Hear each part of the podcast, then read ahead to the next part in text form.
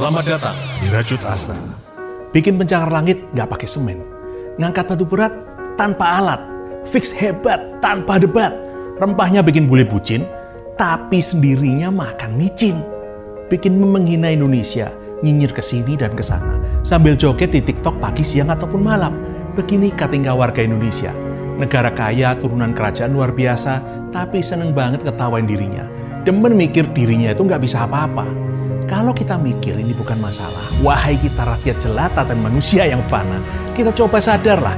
Yang salah bukan bangsanya, yang nggak mampu bukan orangnya, yang brengsek itu pola pikirnya.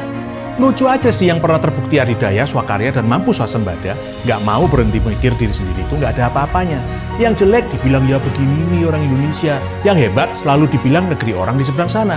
Woi, warga plus 62, nggak pada capek ya kita menghina diri sendiri nggak ada habisnya apa nggak mending kita berkarya? Karena sebenarnya pemilik negara kaya bangga jadi jamrut katulistiwa, seniman punya cita rasa, pencipta produk luar biasa, penemu inovasi yang bikin kejutan untuk semua. Ini loh sebenarnya seharusnya tingkah warga plus 62.